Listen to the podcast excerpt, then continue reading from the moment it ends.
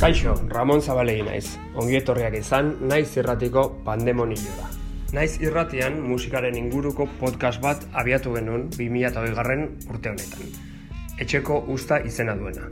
Pandemonio hau, etxeko ustaren adar berezi bat izango da. Elkarrizketa sorta zabal bat. Izeiari kaso egiten badiogu, pandemonion grekeraz deabro guztien bilkura ala aingeru guztien bilkura omen da. Gurean ez ditugu guzti guztiak izango baina bai gure herriko musikari, bestelako sortzaile, deabru eta ingeruen lagin anitz bat. Pandemonio nitzaren beste esanaia, naspia omen da. Naspia eta kaosa, pandemia demonionek gure herrira eta bestetara ekarri duena. Gure herriko sortzailekin, arituko gara solasean, pandemiak haien bizitza eta lanetara ekarri duena ezagutu eta osnartu nahian.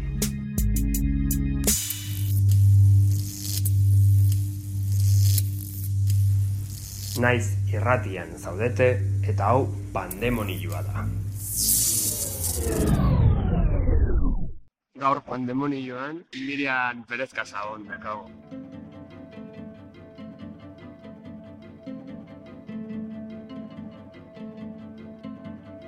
We see We feel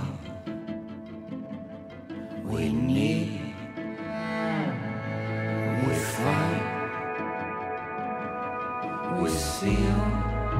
Kaixo, Ramon? Kaixo, bi, zen zabe. Ondo, ondo.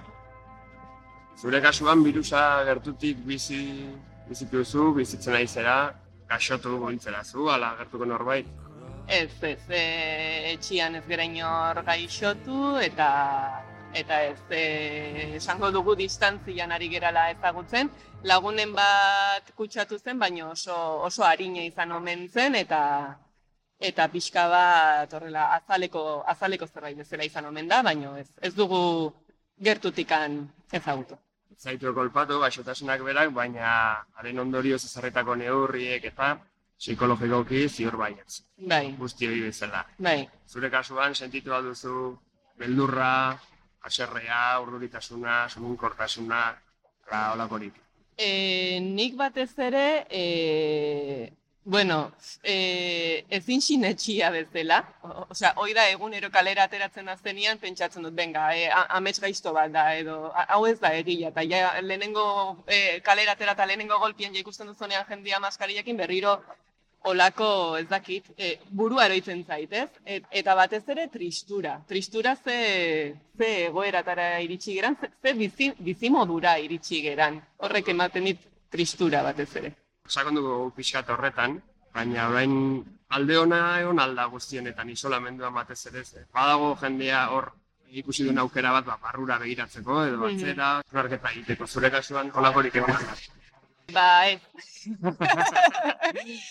ez, eta, eta egia esan horrela e, entzuten duzunean ez, e, ona, konfinamendu ona edo eraman duten batzuk eta hola, ba, ni nahiko negatibo egon du naiz, nahiko ezkor eta nahi, dena nahiko ilun ikusten nuen eta gainera nere burua ez egon kapazitatua alde ona ikusteko. Saiatzen nintzenean eta behartzen nintzenean nere buruak esaten zidan ez ez ezin iola bere alde ona ikusi edo. Ezkortasun horretan ziurrenik eh, zure proiektuetan guzti horrek izan duen eraginak eta izango zuen pixua. Bai. Ze proiektuetan ari zinen, eh, konfinamendu hasi zen dunean eta, eta zer eragin izan du? Baditu, eramaten dut, e, nire proiektu pertsonalian hasi nintzenetik, eramaten ditut ja lau bat urte, eta, eta justo konfinamendu hasi baino lehen, urte honen hasiera e, zen uretatikan burua ateratzen hasi nintzen momentuan. Bapatian hasi nintzen sentitzen e, nire proiektu hontan ere apostuak balio izan zuela eta eta honek e, aurrera egiteko indarra ematen ziela eta nitun gauza de xente. Eta, eta dena gelditu egin zen. Banen bilen gauza askotan. E, banen bilen Baionako konservatoioarekin pieza bat sortzen eta eta pieza sortu berri genuen eta justo aurkezpena emanaldia gelditzen zitzaigun, hori bertan bera gelditu zen eta ja pentsatzen dut ja hor geldituko dela. Gero e, proiektu berri batian murgilduta ginen, hiru izenekoan, ere proiektu pertsonal bat, eta sorkuntza erresidentzia bat lortu genuen e, dantzagunean, eta, eta sorkuntza prozesuan hasieretan ginen, eta baita ere e, publikoaren aurrean erakustaldi desberdina genituen, eta pos, baita ere bertan bera gelditu ziren. Eta gero emanaldi, emanaldi batzuk genituen, e, mutu piezarekin, ze izan zen e, hautatua begirada gurutzatuak programan, eta horri esker genitun emanaldiak e, oporton eta eta biarritzen. Eta, eta hoiek bertan bera e, momentu zatzeratu egin dira, baino txe gaude zalantzan. Momentu zatzeratuak, baina oraindik datari gabe. Ba, justo aste hontan hasi gera datak zehazten eta eta batzuk urrira oportoko aurrira atzeratu den bezala biarritzekoa datorren urtera pasada zuzenean. Proiektu horiek guztiak zeratu ala bertan bera geratu ziren eta konfinamendu garaian berrietan sartzeko aukera izan altzen nun, o, galdetu nahi dudana da, sorkuntza iturria eh, lehortu imentzaizu, ala bai, piztu. Guztiz, ez, guztiz lehortu. Egon duzen egun bat, nahiko, nahiko estatiko egon nahi zentzu guzietan, e, hori dan, dantzara dedikatzen nahi zen bezala, guztiz estatiko egon nahi ez nuen, ez da, ez da indarri, ez dakit bintzat gorputza zaintze aldera edo mantentze aldera e, zehozer egiteko. Eta jarraitu diot, nagore legarretari bastantez, e, berak berriz e, etxean nahiko nahiko sorkuntza lana handia egin du eta gogoratzen naiz argazki bat atera zuela gorputzatalak e, ezak, e, esan zuen zer e, blokeatuta bezala edo ezin gorputzatalean edo gorputzean ezin kabitua bezala izendatu zuen. Eta hori ikusi nuenean neharrez hasi nintzen zuzenian, mm. ze, ze horrela sentitzen nintzen ezin kabitu ez gorputzean, ez etxean eta ez zinon. Bai, nagorele garreta datorren hastian egongo era berarekin, ba, isolamendu gara honetan bera oso sortzaile. Bai, bai, jotake haritxu da. Bai, beste batzuk behar aldiz, ba, ez gara hola ibili. Ez gara hola ibili eta berak esan zidan moduan baitare, ba, batzutan badaukagu guk sortzeko ez, plazerra, eta beste batzutan beste sortzaileen jasotzeko plazer hori, eta ni gehiago hortan aritu nazu.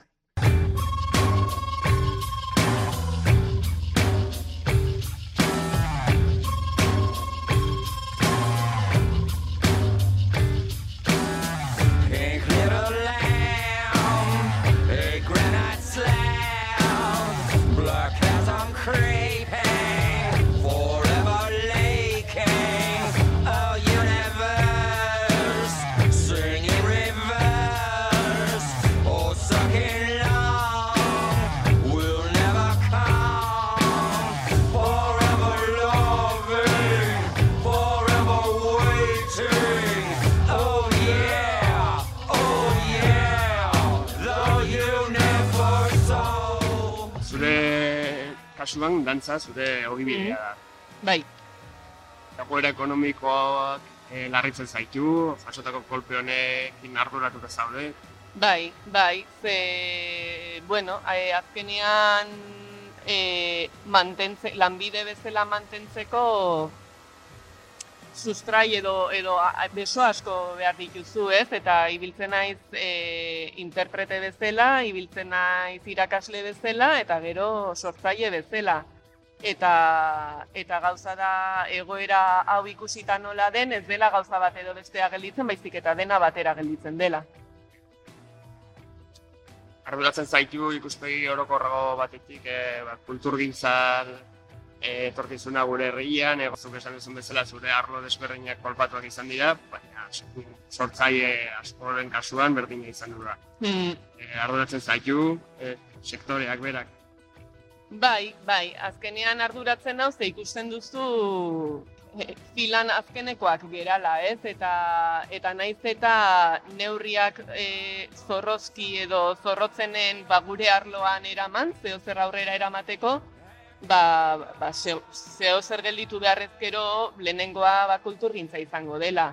Eta, eta askotan gure sostengua momentuan jasotzen dugula, eta ez badugu aukerarik lan hori erakusteko edo, ba, ba ez daukagula ez da ere sostengurik. Mm. Orduan, e, nola jan. nola jan. Bai, beste sektore batzuetan adibidez, esfortzu bereziak egin dira, industria bi astez geratu zen eta berriz martxan Bai. jarri, ostalaritzan, e, ba, bilatu dira moduak, ez, gauzak aurrera tealizateko. Mm. Uste duzu, kulturgintza arloan, kulturan nahikoa egiten ari dela, nahikoa egin dela. Eske azken finean hemen ikuste dut dagola betiko hausnarketa sakonago bat, ez? Eta eta eta benetan ze ze interes erreal dauden. Orduan, ba ba politika aldetik kulturgintza ikusten baldin bada non etekin ekonomikoa soilik atera daiteken arlo bat bezala eta eta badakigu Bueno, ba hori baino hori hori aparte utzita beste zeo zer dela kulturgintza, ba hor larri biliko gera eta eta hori da kezkatzen nauna nola ikusten den kultura, zertarako ikusten den kultura eta ze ze garrantzi eman nahi diogun. Hori pandemia baino lehenagotik. Hori beti danik, bai, hori beti danik izan da eta orain ikuste dut letra gorritan dagola hor e, zutan, eh? Orain sartuko gara esparru pixkat zabalagoan, so, eh, soziologian edo. A ber, a ber. Eta, bai, ba, maskarilla eta distantzi fisikoa. Geure artean harramantzeko modua aldatzen ari dela uste duzu, e, ze eragin izango guztionek, isolatuagoak egotiak, zure gainera, zu gainera dantzaria iza- izatekoan, ba, kontaktua eta zuen kasua Bai. ere zerbait importantia. Bai. Bai, e, neri jarri, osea, guztionek eraman dit benetan kuestionatzera hau horrela izango bada eta gure bizitzeko modua horrela izango baldin bada, e, kuestioan jarri dut e, dantzan jarraitu nahi duten ze ze esaten duzun bezala guria kontaktua da eta guria bata bestearen gorputzaren irakurketa eta ulermena da eta distantzian hori oso zaila da, virtualki ezi- ezinezkoa esango Mhm. nuke. Eta, eta gero espresioa eta hori dena pues, aurpegian eramaten dugu. Eta, eta hartuan emanetarako e, ezinbestekoa iruditzen zait. E, ni dantzari eta, bueno, eta dantzaren inguruko, ez, e, e, profesionalaz aratago ama naiz ere, bai. Mhm. Eta, eta hor, lehen esaten nuen bezala ez, ze tristura ekarri diten egoera honek, ba nik uste dut ikuspuntu horretatik izan dela, ze, bueno, momentu batzutan jarri naiz pentsatzen, e, berro, ila berrogei urte ditut, eta nik behintzat badakit beste bizitzeko modu bat dagola. Baino aurrek, hau, eh, osea, aur txikienek hasieratikan bizitzeko modu hau bakarra ezagutu dutenak, horrek ematen dik neri tristura, ez? Ze, ez dakite beste modu bat egon daitekela. Bai. Galduko dute zerbait importantea. Galduko dute zerbait oso oso importantea. Bai. Bai. Eta baldintza hauetan, orduan, dantza ez, zuk ulertzen duzun moduan, ez da posible. Nik behintzat ez dut ulertzen, eta niretzako dantza e, mugimen, mugimendu edo adi, e, gorputzaren adierazbide bat da, baino, baino dantzak ere ekartzen dit erlazionatzeko, sozializatzeko, elkar ulertzeko, elkar empatizatzeko, eta besteen tokian jartzeko e, modu bat edo bide bat, orduan, distantzian eta edo edo beste aukerak ez virtualki eman ditekenak, pues nik behintzat ez ditut ez, ez ditut bideragarri ikusten edo nik behintzat ez dut nahi hortan sartu ze ze azkenean horri ere bai beste arrazoi bat ematen diot eta da e, ez dakit e, fitness moduko bat ikusten dut nik Mm. bezala, ez? E, edo eta azkenian baita ere, pues alde etekina ateratzearena eta niretzako nik hori atzean jartzen dut, ez? Zu fokoa komunikazioa. Bai, guztiz, guztiz. Eta noski baldintza hauetan komunikazio kanal, kanalak, ba, kanal asko moztuta. Bai, Dantzan eta dantzatik. eta bai, hori da. Bai, Historiak irakatsi dugu, beste ura handitan sartzen, ah, beldurra eta ez egonkortasuna nagusitzen direnean, badagola joera jendartea konservadismora jotzekoa. Eta autoritarismoa indartzekoa ere bai. Horrek arduratzen zaitu ere gaur egungo egoeran. Ez duzu horretan. e, bai, bai, ze guregan bakarrikan pentsatzen, ez? Norbera bere burbujan isten bezala eta norberan pentsatzen eta gero e, arri, nago nola, nola eragin duen beldurrak guz, guztiongan. Osea, e, kalera ateratzen naizenean ni bilatzen nago, aber, e, norbait ikusten duten maskarilla gabe.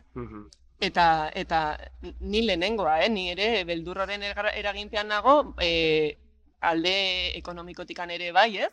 Hor, ekarri posile dizon nangatikan bai. ekarri. E, eta orduan bilatzen nago aber, aber zein sartzen den, eta eta oso gutxi ikusten dituzu, edo, edo inor. Bai, eta bai, arduratzen hau bai.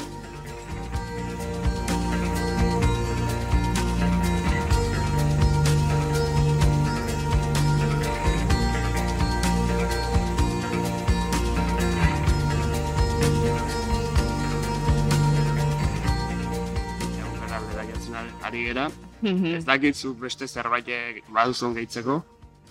Ba ez dakit, neri honek eraman dit e, benetan pentsatzera zer edo nola nahi duten bizi, ez? Eta eta zer edo zerri ematen dioten garrantzia eta batez ere neregan baino, pues hori, e, ama naizen bezala transmisioan, ez? E, ondorengoen transmisioan. Orduan, e, pues horrek ikusita gizarte kontsumista batian bizi gerala, guztiz kontsumista batian, e, benetan pentsatzera zertan, zertan edo non nahi duten kontsumitu, ez? Eta oneri lotuta, pues, kultura, kultura arloari garrantzia emanez, bain ere inguruan eta batez ere hori ondorengoei. Así que, a ber, pixkanaka aurrera egiten dugun denak. Oso ongi, niri. Ba, eskerrik asko, pandemoriari zure erantzunak eta zure denbora eskintzagatik, naiz erratiari.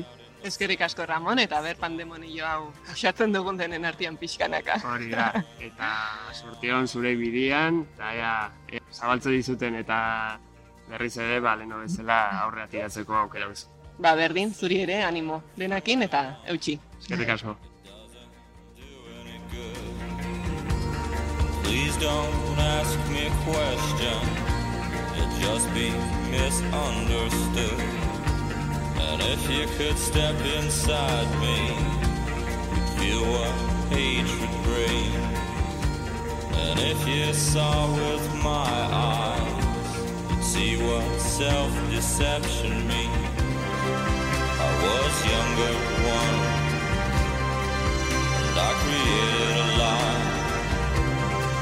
And though my body was strong, I was self-deluded, confident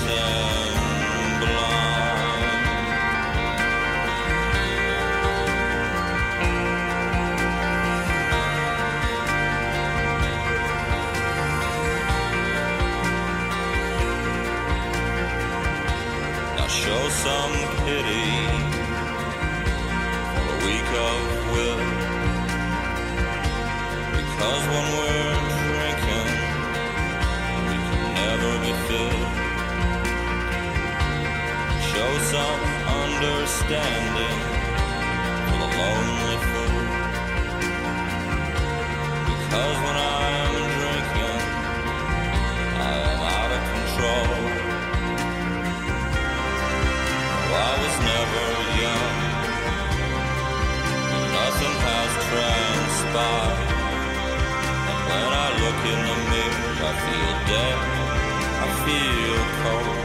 Bye.